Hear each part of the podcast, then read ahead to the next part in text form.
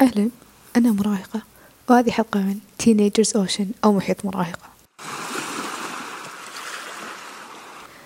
أوكي.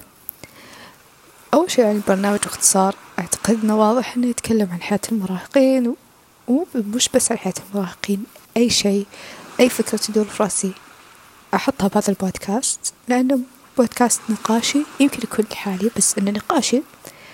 في نفس الوقت شو أقول لكم إن هذه مجرد تساؤلات مراهقة أه تحاول يعني تفهم وش قاعد يصير في هذا الكوكب عشان تستعد للقادم. أوكي الحلقة هذه بتكلم عن كذا شيء. أه ممكن أتكلم عن تعريف المراهقة وفي العلم النفس والتعريف الواقعي. وفي نفس الوقت ممكن أتكلم عن الروتين اليومي وعن التحكمات اللي قاعدة تصير. فخلنا نبدأ في تعريف المراهقة. تعريف المراهقة في علم النفس هي المرحلة التي تنقل الفرد من مرحلة الطفولة إلى مرحلة الرشد والبلوغ وتحدث هذه المرحلة في مجموعة من التغيرات الجسدية والنفسية. ويمكن جمع هذه التغيرات بتغيرات جسمانية ونفسية وعقلانية واجتماعية كما أن هذه المرحلة تغير الطفل إلى مرأة والطفل إلى رجل. طبعا ناهيكم عن قراءتي اللي مرة جيدة بس خلينا نكون شوي واقعيين. هل هذا التعريف صحيح مية في المية أو لا؟ صراحة أنا ما أقدر أفتي لأنه يختلف من شخص لآخر. لكن أنا بالنسبة لي التغييرات ما تنحصر هنا. التغيير يكون أكثر شيء لما نكبر ونكتشف إن إحنا بعد كم سنة خلاص بتصير حياتنا سيريس يعني هل ممكن يكون عندي مستقبل مشرق؟ أو ممكن أشتغل وظيفة من تسعة لخمسة؟ أو ممكن أسوي شيء مختلف يعني زي ما يقولون out of the box يعني. فهذه التساؤلات تخلي الواحد يكون محتار وما هو عارف وش يدخل. يعني سواء في حياته الشخصية أو العملية. وفي نفس الوقت أحس إنه شوي صعب إن إحنا نقدر نحدد الشي هذا من السن هذا لأن ما تدري الواحد وش يصير. اللي إحنا نشوفه بعد ما تخرج من الثانوي أو حاليا هو ضباب بس اللي أنا قاعدة أشوفه هو ضباب ما قاعدة أشوف نفسي. ممكن من فترة ثانية يجيني حلم أبغى أصير طيارة أبغى أصير محامية أبغى أصير دكتورة أبغى أصير مدري وشو. لكن أنا ما أدري إيش بصير. والأحلام هذه تكون مجرد شيء مؤقت ويجي شيء ثاني. فما أدري إذا هذا الشيء الوحيد اللي أنا قاعدة أحس فيه ولا هذه فترة عادية. بس أحس إنها فترة ضغط. وخصوصا مع الأشياء اللي إحنا يعني مع الدراسة ومع إن إحنا آه تصير الدراما بحياتنا. هذا الشيء بالنسبة للدراما راح يكون لها حلقة ثانية حلقة مرة حلوة. أنا مرة متحمسة أتكلم عنها لكن اليوم نكون شوي يعني واقعيين أو حقيقيين مع نفسنا. من إحنا نتكلم عن الواقعية والأشياء هذه كلها. خلينا نتكلم عن الروتين الروتين الواقعي الحقيقي مية بالمية. اللي بالنسبة لي أشوفه هذا أغلب المراهقين يصير لهم إن إحنا نقوم من خمسة ونص لستة الصباح نتجهز نروح المدرسة من سبع لثمان ساعات نرجع البيت نتغدى نومة العصر. يعني اللي بالنسبة لي شيء جدا مقدس يمكن ممكن ينام بس أنا مرة أحب نومة العصر. والمذاكرة أكيد.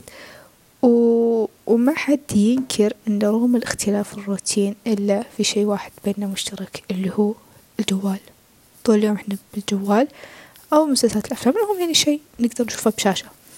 وأنا ساعات الكثر مرة أحب جوالي وأحس شيء جزء مني إلا أحس مرات إنه قاعد يخليني شخص سيء إنه ما يخليني شخص اجتماعي أكثر. وباي ذا ترى وأنا أسوي البودكاست أه ماني قايلة اسمي لأن أنا بحد ذاتي شخص مو باجتماعي. طيب فعشان كذا فحسيت ممكن هذا البودكاست يخليني شوي اجتماعية عن أول رغم إني ما أتوقع بس let's go يعني شو خسرانين إحنا.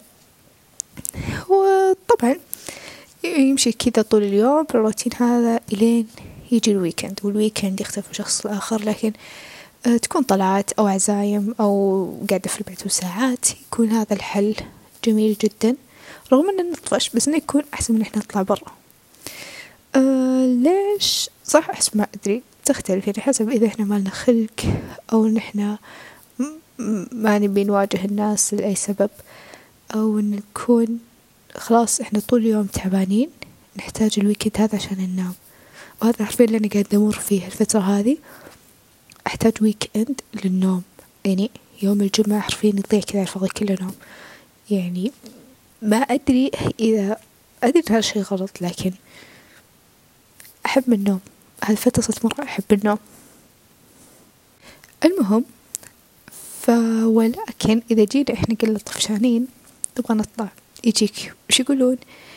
أحمدي ربك. وانت تقولي أصلا شهر ما طلعتي من البيت. وتبي تطلعي تقولي ربك غيرهم غيرك ما عندهم ما أدري وش. يا جماعة إحنا ما قلنا شيء. بس نبي هوا. يعني هذا المنطق حقي. عرفتوا at least يعني نجرب شيء جديد. وبالنسبة للتجارب خلينا نتكلم في موضوع هو شوي ممكن يستفز ال adults بس إنه أنا قاعد أقول رأيي.